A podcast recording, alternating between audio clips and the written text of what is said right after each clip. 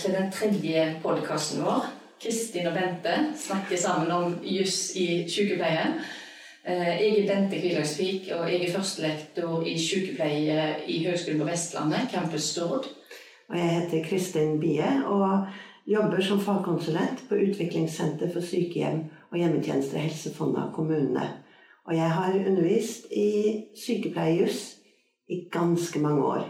Det har du. Ja, og min oppgave eh, har vært å oversette jussen til sykepleie, sånn at eh, sykepleiere kan forholde seg til disse rettsreglene i praksis.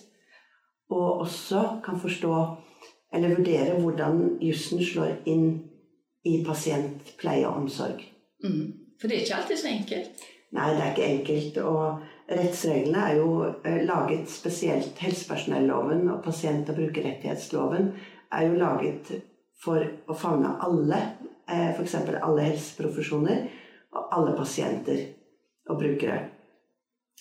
Eh, og det er jo når sykepleieren står i en konkret pasientsituasjon at de lovreglene blir aktuelle å forholde seg til. F.eks. taushetsplikten er jo en måte. Forsvarlighetskravet, altså å ivareta pasienters sikkerhet og gi god og omsorgsfull pleie og omsorg. Det er jo da man må vurdere hvordan det virker i forhold til akkurat denne situasjonen. Da må jeg være veldig våken i forhold til at ok, når jeg er på jobb, når jeg er sykepleierstudent eller når jeg er sykepleier mm. eh, Og så som student så må en øve seg på eh, alle de reglene en må forholde seg til, og alle de måtene en skal forholde seg til pasienter på. Eh, der en på en måte samtidig eh, må se personen, pasienten som person. Sant? Kjempeviktig. Og så har jo sykepleierne eh, flere ting de må forholde seg til. De har jo faglige rammer. Og så har vi noe som heter etikk. Et etisk regelverk for sykepleiere. Mm. Og så har vi jussen. Mm. Og det er grunnen de tre rammene, eller de, de tre si, områdene som sykepleierne hver dag hele tiden må forholde seg til. Og I tillegg så kommer jo eh, lovpålagte plikter altså, Nei, ikke lovpålagte. Politiske vedtak, eh, økonomiske rammer osv. Eh, så det er jo en del ting sykepleierne må forholde seg til, eh, som gjør at de kan ikke opptre akkurat som de vil. Selv om de har et ønske om å gjøre det aller beste for pasienten. Mm. Eh, og det vi skal snakke om i dag, er pasientens rettigheter Mm. som utløser plikter for sykepleiere. Mm. Og da har vi tre sentrale ting vi skal ta opp i dag. Og det er retten til å bestemme over seg selv, altså selvbestemmelsesretten. Og så er det retten til å være medvirkende når sykepleien blir planlagt, utført og evaluert. Og så er det retten til informasjon. For uten å bli tilstrekkelig informert, så kan pasienten eller brukeren heller ikke ta et valg som er basert på kunnskaper. Så de tre rettighetene, det er ganske sentralt i lovverket.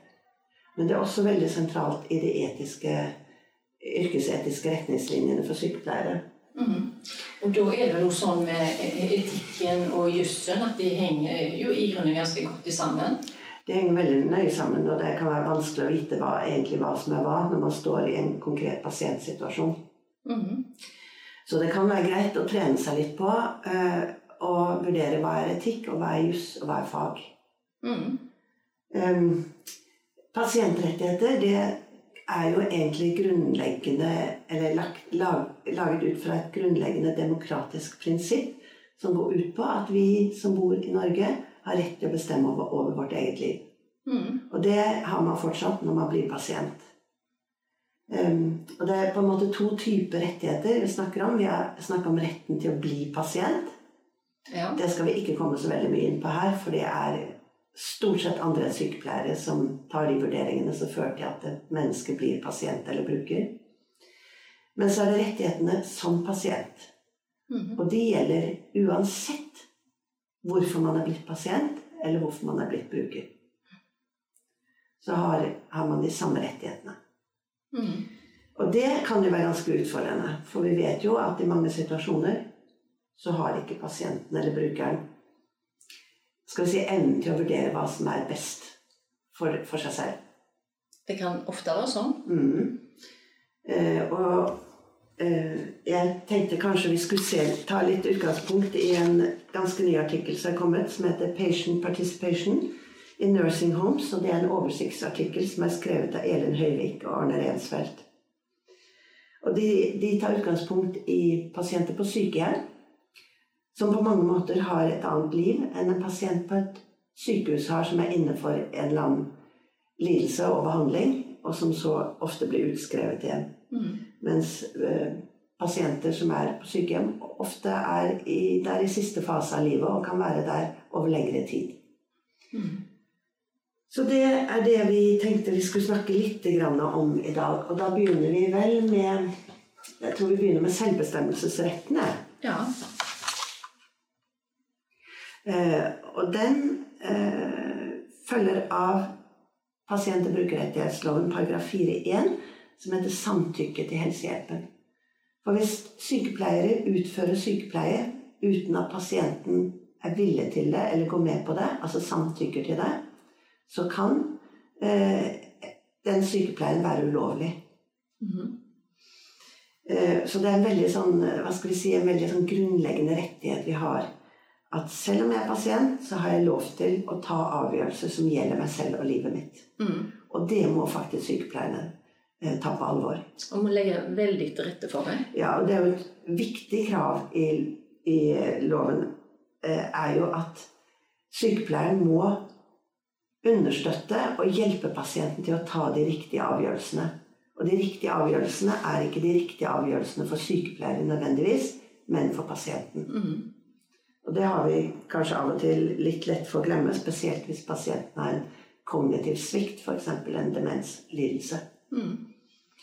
Eh, Før så snakket vi ofte om eh, er det sykepleierens problem eller er det pasientens problem når vi sto i situasjoner som var litt krevende. Eh, Jeg vet ikke om det er et tema lenger. Nei. Nei. Men det jo, Det kan nok være et tema, det, altså. Ja. ja. men det er jo en interessant problemstilling. Absolutt. Ja. Ja. Eh, Og hvis det er sykepleierens problem, så er det jo veldig fort gjort å overse pasientens egentlige behov og eh, det de ytrer på ulike måter om sine ønsker. Mm. Mm. Jeg tenker litt på det her med når pasienten har blitt en pasient, mm. eh, og kanskje i en sykehjemsavdeling, Mm. så er jo eh, eh, livet i sykehjemsavdelingen er jo på en måte masse rutiner og mange måter å fungere i den hverdagen på som på en måte skal gjøre at sykepleier skal kunne utføre jobben sin. Eh, Men samtidig så er det jo sånn at pasienten skal kunne leve livet sitt i den avdelingen. Eh, Og det er veldig fort gjort at en på en måte, tror jeg som pasient, da, eh, bare går inn i avdelingens rutiner og, og på en måte gjør sånn som det blir forventa der. Og det er klart at da, når sykepleier da skal ivareta retten til selvbestemmelse, så eh, må en jo gå litt inn i på en måte, ja, Men hvem er du eh, her? Eh, mm. sant? Hvem, Ja. er denne personen? Og det skriver de jo litt om i denne artikkelen som jeg henviste til. Ja. eh, At dette med rutiner kan være et hinder for at folk, eller pasientene får eh, bestemme og være medvirkende til en sykepleien som de får. Mm. For rutiner, det kan være mange ting. Um, Rutiner kan jo være bra å ha, fordi da vet man at ting blir gjort eh, på en god måte. Men det kan også være eh, noe som er etablert en gang i fortiden fordi det var hensiktsmessig da, men som ikke lenger er hensiktsmessig nå. Og rutine kan ofte være en del av det som sitter i veggene, som gjør at pasienter kanskje ikke får, eller blir sett og hørt uh, som den personen de egentlig er. Mm. Uh, og i den artikkelen så beskriver de også hvordan pasienter som er avhengig av hjelp eh, Jo mer avhengig man er av hjelp, dess mer sårbar er man. Mhm. Og dess lettere er det å overstyre eh, mennesker som er veldig avhengig av hjelp. Eh, og det kan føre til noen, en lidelse. For det første kan pasientene føle seg verdiløse. Mhm. Og det er jo en, kan jo være en lidelse i seg selv å være et, et verdiløst menneske, eller oppleves som det. Mm Eh, og da kan vi igjen snakke om lidelse som blir påført pasienter pga. pleien og, og sykepleien. Mhm. Det vi kaller for en pleielidelse. Mm. Eh, og det å ha en begrenset mulighet til å være selvbestemmende og delaktig i det som foregår i mitt liv, det kan være ganske heftig og vanskelig å forholde seg til. For oss som er friske mennesker, ville jo det vært veldig vanskelig. Nærmest kanskje bli oppfattet som en straff. Ja, mm. Men det er ikke sikkert at det, det er alle pasienter som legger merke til det sjøl heller.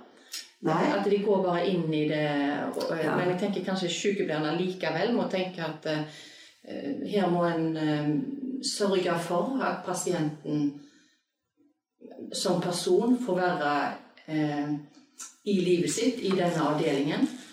Og, og, være en del av hva skal jeg si, den som tar avgjørelser i forhold til den, til den sjøl. Mm.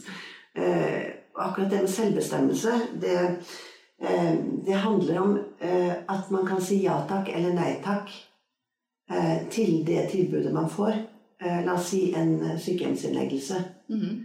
Og så er det sånn at mange tenker at når de har fått den sykehjemsplassen, så må de innrette seg etter de rutinene som er, og de husordensreglene som er. Og det må man jo til en viss grad når man bor sammen med mange andre mennesker. ikke sant? Mm -hmm. Men dette Det vi kaller medvirkning, Eh, er kanskje mer sentralt eh, når det gjelder eh, pasienter på et sykehjem. Fordi det handler om samarbeid. Mm. Pasient-sykepleier. Og jeg liker å bruke ordet samarbeid istedenfor medvirkning. For samarbeid handler faktisk om at man jobber sammen med noen. Mm. Ikke sant? Eh, og, er, og, det er også noe de skriver om i denne artikkelen, at sykepleier eh, jobber sammen med pasientene hvor begge to er likeverdige parter. Mm. Og For å få til det så må sykepleieren være nærværende. Absolutt. De må være observante. Mm. De må bruke sin følsomhet. Mm. For det er ikke alle pasienter som kan ytre seg med ord. Det kan være kroppslige reaksjoner mm. som gjør at man forstår at denne pasienten liker det jeg gjør, eller denne pasienten syns dette er ubehagelig. Så det er en måte for pasienten å formidle ja. om den både liksom er enig, ja. Eh, og kanskje på en måte òg kan eh, formidle hva en ønsker, ikke sant? selv om en ikke har et godt språk. Ja. Uh -huh. Jeg tenkte litt på det her med uh, at sykepleieren uh, i det samarbeidsforholdet mellom sykepleier og pasient, så har jo sykepleieren mye kunnskap med seg inn i det samarbeidet. Eh, hvordan påvirker det samarbeidet? tror du? jeg tenker begge, eh, begge, to, begge parter er eksperter. Ja. Sykepleieren er en faglig ekspert og tar sine valg, eller iallfall bør gjøre det, ut fra faglige vurderinger og etiske vurderinger. Altså hva får jeg til med de eh, hjelpemidlene jeg har her, på en god måte for pasienten? Sånn at den sykepleien jeg gir, er forsvarlig og ikke utsetter pasienten for risiko. Mm. Ikke sant? Enten redd fysisk skade eller en psykisk lidelse. Mm. Ikke sant? Det er jo like viktig begge deler at man skal unngå. Og vi vet, og det sier de også i denne artikkelen her, at veldig mange pasienter de velger å la sykepleieren styre. Ja, de Fordi, ja, de, de gir på en måte opp sin egen selvstendighet, og så lar de sykepleieren bestemme. Ja, Og det kan jo handle både om pasienten og om sykepleieren. Det. Ja, det er klart vi er jo forskjellige, alle mennesker, ikke sant. Og noen er så takknemlige for å få en sykehjemsplass at de tenker at da har jeg gitt opp min selvstendighet. Da er det, da er det noen andre som skal ta styring på mitt liv. Eh, og så skriver de noe som er veldig interessant, og som jeg har tenkt mye på. Det er jo det er gjort veldig få studier i hvordan pasientene opplever å, å være Altså hvordan de opp, eh, opplever seg som selvstendige mennesker. Hva er pasientens perspektiv? Mm.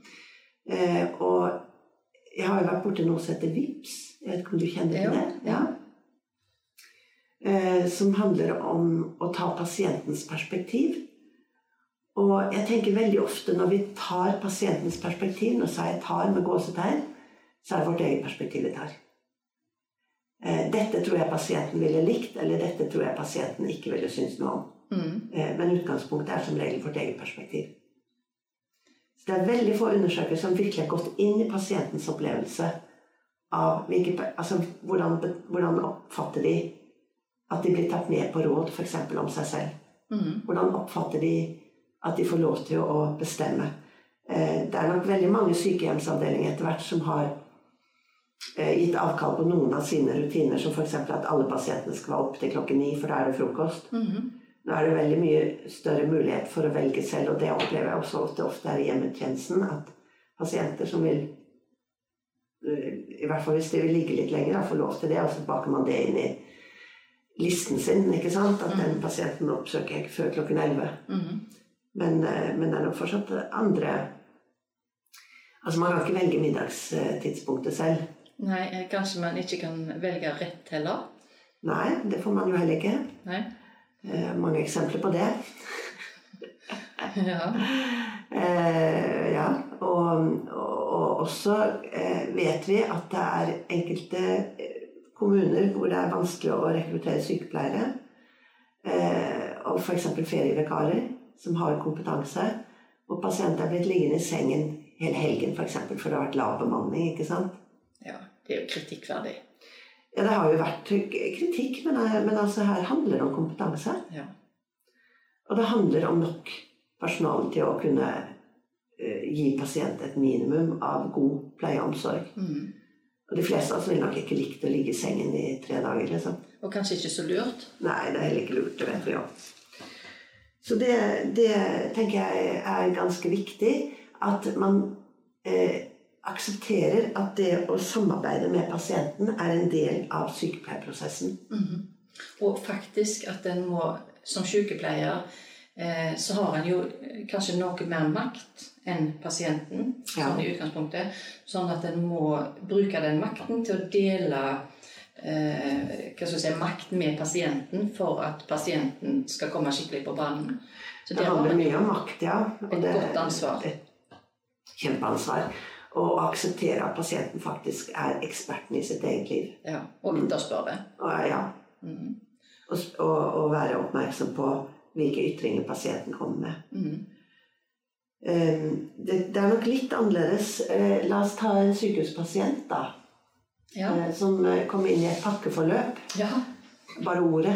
Mhm. Vi snakket jo litt om før vi startet her, dette med tingliggjøring av pasienter. ja. Eh, og jeg tror vi skal være litt oppmerksom på hvilke ord vi bruker når vi beskriver pasienter. Mm. Og pasienter er ikke pakker. Men pakkeforløp er jo på en måte en, noe å si noe om at pasienten skal oppleve en god kvalitet på det som skjer. Og det er jo ofte da en utredning og en behandling som følger i et pakkeforløp. ikke sant? Så det skal være innen tidsbestemte greier. Og det, det kan jo være Takk. veldig greit å vite. Tanken der er jo at en skal sikre at en eh, tilbyr eh, de nødvendige tingene i forhold til en gitt sykdom. Ja. Men eh, så er det hva ord en bruker, da. Ja. Så er det, ja, det er jo ikke ord man bruker. Og det her Pakke er jo egentlig ikke noe Men jeg tenker man skal være litt bevisst på Mm. eh, hvordan man omtaler pasientene. Ja.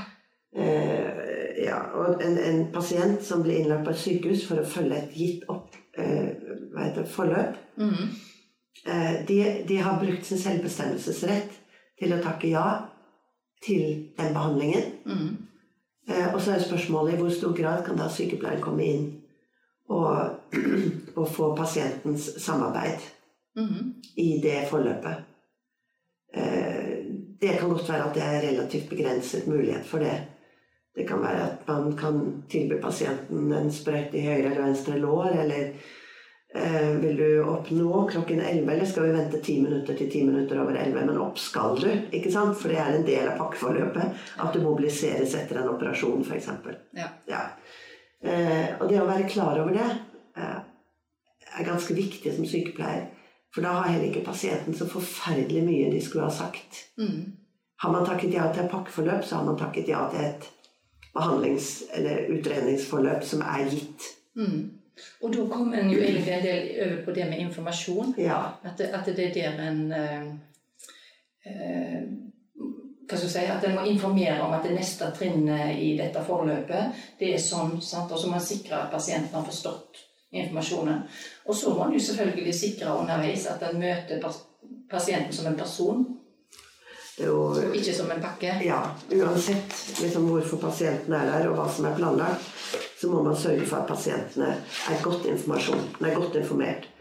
Og informasjonen, den plikten, den følger av pasient- og brukerrettighetsloven paragraf 3-5. Ehm, og det er ganske viktig å vite at en ting er at det jeg sier, er ikke nødvendigvis det pasienten oppfatter. Eller det jeg ønsker at pasienten skal oppfatte, er ikke nødvendigvis det pasienten forstår. Nei. Nei. Og Derfor er det også i denne lovbestemmelsen krav om å tilrettelegge informasjonen eh, slik at pasienten forstår det. Og da må man ta hensyn til alder, utviklingsnivå, Kognitiv svikt. Kognitiv svikt eh, muligheten for å, å, ta imot informasjonen. Vi vet at pasienter som er i en krise, ofte ikke oppfatter viktige biter av en informasjon. Ja, Informasjonen må jo tilpasses pasienten, da, og det må jo også f.eks. Eh, tilpasses barns modenhet og evne til å ta imot informasjon og forstå. Ja. Eh, barn har nemlig også krav på informasjon. Ja. Og deres pårørende har det òg, inntil de blir 16 år. Ja. Dersom ikke barnet motsetter seg det. Ja. Eh, men også andre voksne mennesker må man jo tilpasse informasjonen til. Eh, og det kan f.eks. være en språklig bakgrunn som gjør at eh, man må tilrettelegge på en spesiell måte. Og da har pasienter som snakker et annet språk enn norsk, har krav på tolk. Ja. ja. Og det er litt vanskelig kanskje å gjennomføre. Jeg vet ikke hvor lett det er hvis man har sykehjemsbeboere som snakker et annet språk. Og for tak i ofte er det da familien som blir brukt, og det er ikke hensiktsmessig. Nei, det er ikke anbefalt. Nei. Det er ikke anbefalt. Og særlig ikke å bruke barn som tolk. Barn skal ikke være tolker. Eh, så det er jo et system jeg går ut fra man har i hvert fall i stor grad klart å gjennomføre på sykehus, men jeg er mer usikker på dette i hjemmesykepleien og mm. Eh, på sykehjem. Uten at jeg skal si noe eh, veldig bastant om det, da. Mm. Jeg opplever ofte at når en bruker tolk, så er det for å sikre at veldig viktig informasjon skal bli forstått. Mm. Eh, mens i hverdagen så kan det kanskje være at eh, en i mindre grad bruker tolk. Ja, i hvert fall det jeg har vært borti på sykehjem, så, så er det er vanskelig å få til. Og det er ofte familien som da tolker. Eh, og det har vært eksempler på at familien har tolket eller har mis... Der hvor det har vært tolk. Mm -hmm. Og familiemedlemmer som snakker både norsk og det andre språket Ehm, at det har oppstått skal vi si mistro til hverandre. Mm. At familien mener at tolken tolker feil, f.eks. Ja, for eksempel. mm. Så det har vært noen sånne situasjoner, og er, det er ganske komplisert å stå i som sykepleier. da. Ja, og litt uansvarlig kan det være òg? Ja. Å, å, stå i det? Altså, ja. For å sikre kvaliteten eh, både på helsehjelpen og eh, informasjonen. Mm.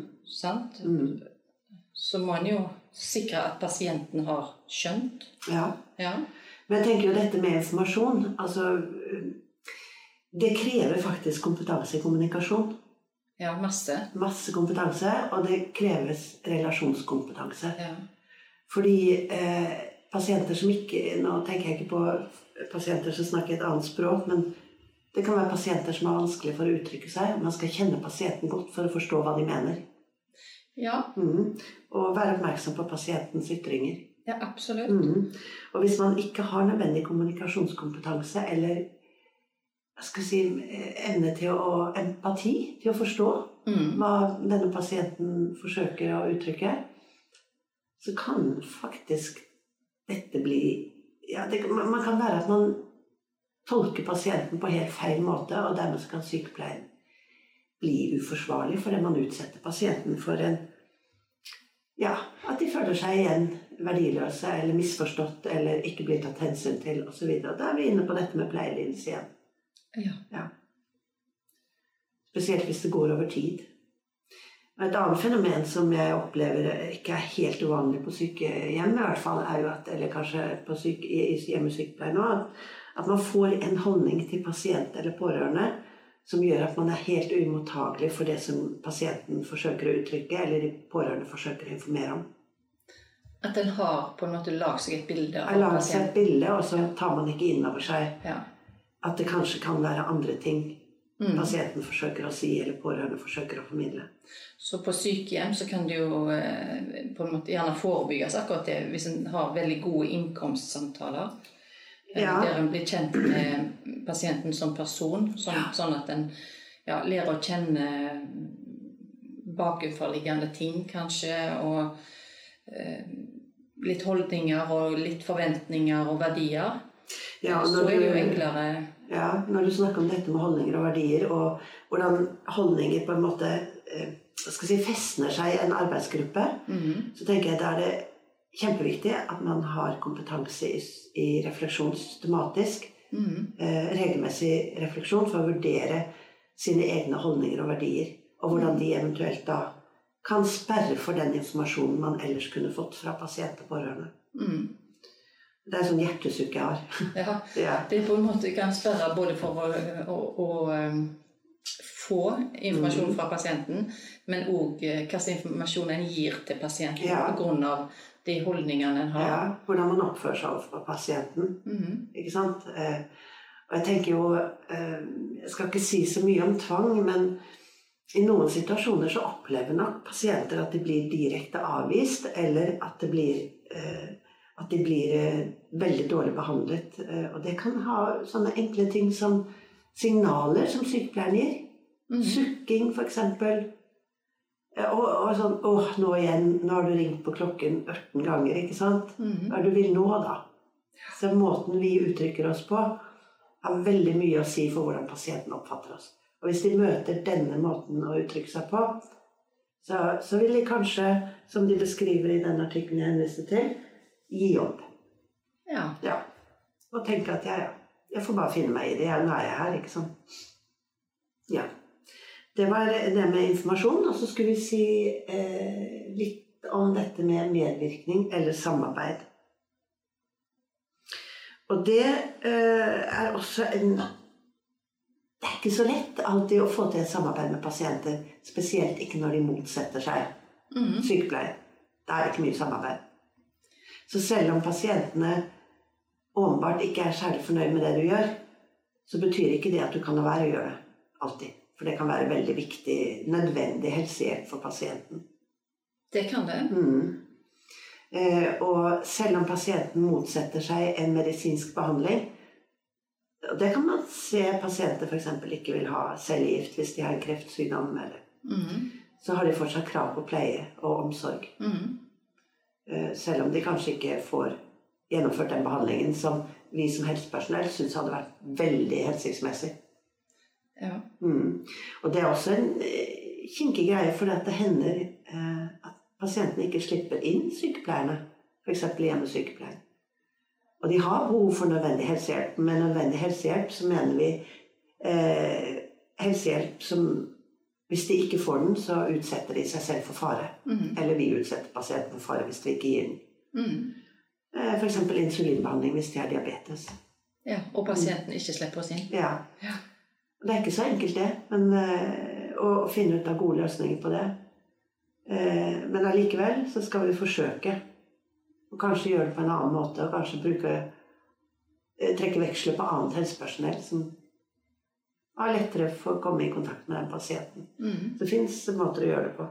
Men det er jo noen ganger en må gi helsehjelp selv om pasienten eh, eh, ikke åpner døra, eller eh, at pasienten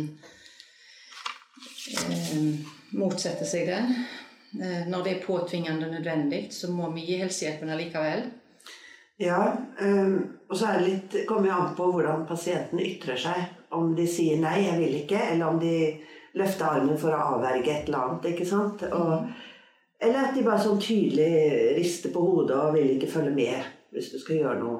Eh, ta det i dusjen eller et eller annet sånt. noe, ikke sant? Mm. Um, og det, det er jo noe man ofte opplever med pasienter med demens. Sykdommer, ulike demenssykdommer. Ja, og er, når det er snakk om eh, demenssykdom og ofte eh, pasienter i sykehjem, så er det snakk om vedvarende eh, Hva skal jeg si Problemstillinger i forhold til samarbeid. Men i den, den andre enden så har en på en måte litt ting som skjer veldig akutt. Eh, da har en ikke det samme kravet til seg til at en må innhente eh, samtykke fra pasienten. Da må en kanskje bare handle der og da. Sant? Men det handler jo om øyeblikkelig hjelp, ikke sant? Ja, det handler om øyeblikkelig hjelp. Hvor man antar at pasienten, hvis de hadde kunnet samtykke, så hadde de ønsket å få den hjelpen. Ja, Ja. Og da har vi en ubetinget hjelpeplikt som helsepersonell òg. det har vi. Så Men vi har, hvis, hvis vi skal snakke om pasienter på syke... Altså, pasienter som kommer i mottagelsen på sykehuset, er jo ofte i den situasjonen, hvis de ikke kan samtykke, at vi antar at de vil ha hjelp. Mm. Det kan være en trafikkulykke, eller det kan være Mm. falt om på gaten, eller et eller annet så akutt. Eh, Men når vi er på sykehjem, så gjelder det jo samarbeidet med pasientene og få til det når de ikke vil. Og vi har, vi har mulighet for å gi helsehjelp selv om pasienten motsetter seg det. eh, Og det følger av kapittel 4a i pasient- og brukerrettighetsloven, som gir anledning til å gi eller yte sykepleie selv om ikke pasienten vil. Mm. Men min erfaring er at på de avdelingene hvor de har jobbet mye med sykepleierfag og etikk, bl.a. med- med kommunikasjonskompetanse, eh, så vil en sånn motstand etter hvert bli borte fordi at man blir kjent med pasienten, og så klarer man å finne eh, måter å gjøre ting på som, virker, som skaper tillit og ikke motstand. Mm. Så dette med kompetanse igjen, altså jobber man med en, en eh, spesiell gruppe pasienter, la oss si pasienter med demens, så skal man ha god kompetanse i kommunikasjon og i relasjonsbygging. Absolutt. Ja, og man skal ha også kompetanse på å vurdere hva som er etiske problemstillinger, hva som er faglige problemstillinger. Mhm. Så det, for å kunne bruke kapittel 4a for å gi eh, uønsket helsehjelp, eller eh, yte sykepleie som pasienten ikke har lyst til, så må det være fordi at det er påtrengende nødvendig. Dvs. Si at pasienten vil få en alvorlig utvikling av en sykdom, eller at pasienten kan bli skadet alvorlig, eller dø, mm. hvis de ikke får den hjelpen. Det er jo ikke så veldig mye det dreier seg om, egentlig. Nei, jeg leste litt i den boka til Olav Molven her om eh, at det hadde vært en sak der eh, eh, de hadde på en måte fått medhold i det at eh, en pasient som hadde sår, at de sårene skulle bli stelt selv om pasienten ikke ønska det, f.eks. Ja, Og det er jo en sånn type skade som kan bli større over tid. ja den kan være livstruende òg. Ja. Ja, så det er jo det var Ja, og, og, Ja. for det kan jo både gå infeksjoner i såret og, og mm, ehm, Ja, det kan være ubehagelig for medpasienter òg, men i utgangspunktet så kan man ikke bruke tvang overfor pasienter for å beskytte medpasienter. Det er kun for å hjelpe den pasienten. mm, Og det er viktig å vite, for det av og til så har vi har jo en eh, form for demens som heter frontallappdemens, som gjør at pasienter kan endre personlighet og ofte får en veldig hva skal vi si, voldsom eh, oppførsel. Og, og kan skremme andre pasienter, medpasienter, og kan også gå utover personalet mm, ganske hardt. Eh, men det er pasienten som skal behandles eller få omsorgen, og ikke de andre pasientene. Og det kan man jo si av og til kan være en liten svakhet i lovverket. For det kan være ytringer den pasienten har som er direkte farlige. ja. Ja. Men da fins det mulighet for å bruke tvang. Men det er veldig strenge kriterier for å bruke tvang.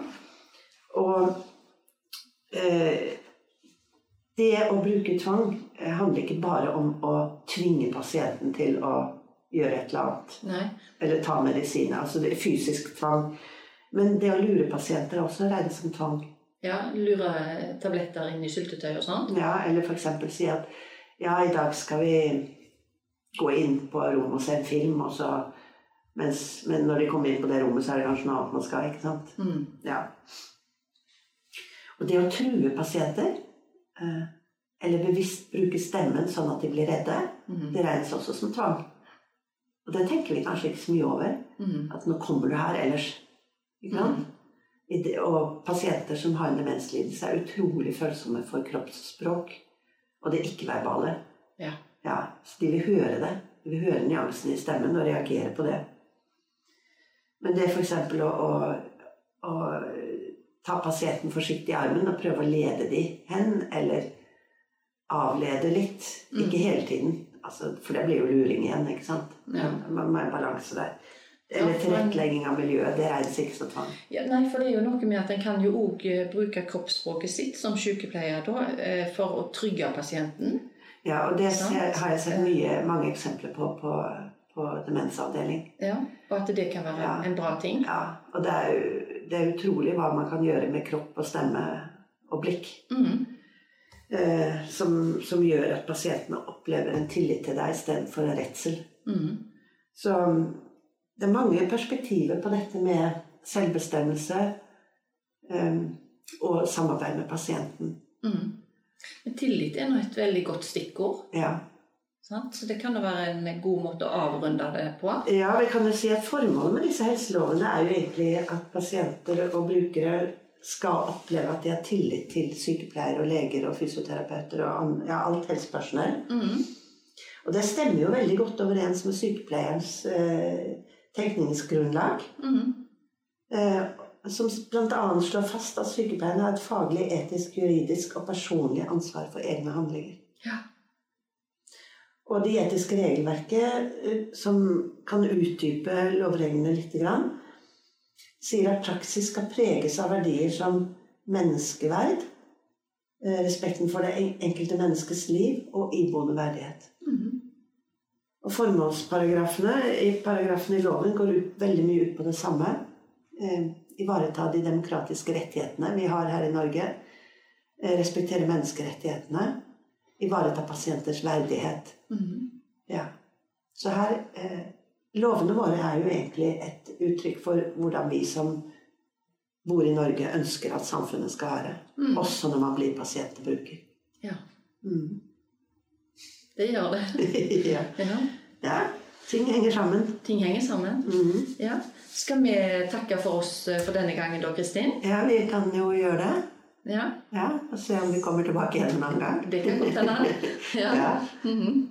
Ha det godt. Ha det.